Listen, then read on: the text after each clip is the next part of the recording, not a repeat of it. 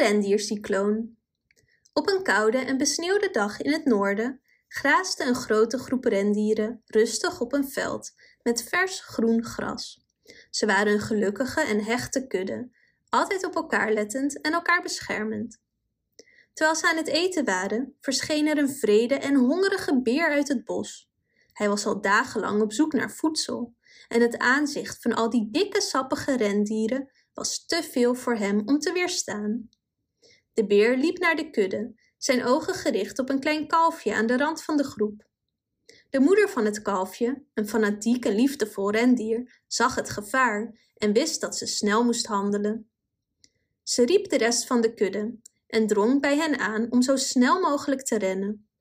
De rendieren gehoorzaamden snel, hun hoeven bonkenden op de grond, terwijl ze vluchtten voor de beer. Het moederrendier had een heel slim plan. Ze leidde de groep in smalle, nauwe cirkels rondom de beer, waardoor het voor hem onmogelijk was om één van hen aan te vallen. De beer was in de war en duizelig en struikelde en viel op de grond. Zodra de beer op de grond lag, verspreidden de rendieren zich snel en lieten hem achter in het stof.